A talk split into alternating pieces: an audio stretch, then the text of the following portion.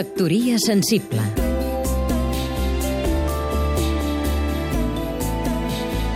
Oleguer Sarsenedes, periodista que la gastronomia és cultura és una d'aquelles veritats que en aquest país, amb tantes estrelles Michelin, tenim prou clares. Les tradicions, les innovacions i les creacions culinàries, les maneres de preparar, cuinar i presentar el menjar, les dinàmiques socials implicades són totes manifestacions culturals de primer ordre, troncals, de fet. Formen part de la identitat cultural de les persones. D'altra banda, apreciar gustos diversos, cuines de cultures diferents, una ampla gamma d'ingredients i de textures és indicatiu d'una ment oberta i curiosa, i per tant culta.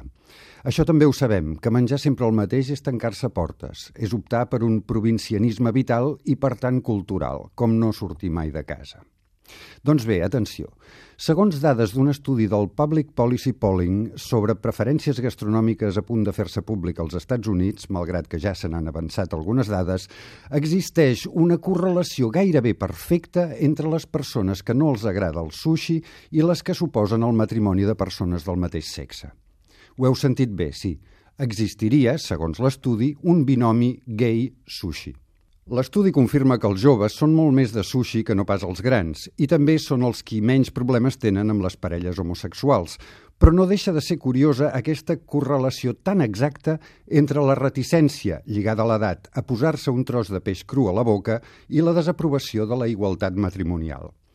El senyor Jorge Fernández Díaz, ministre de l'Interior del govern espanyol que no fa gaire es va oposar públicament als matrimonis del mateix sexe, ara ho sabem, no li agrada el sushi. Factoria sensible Seguim-nos també a catradio.cat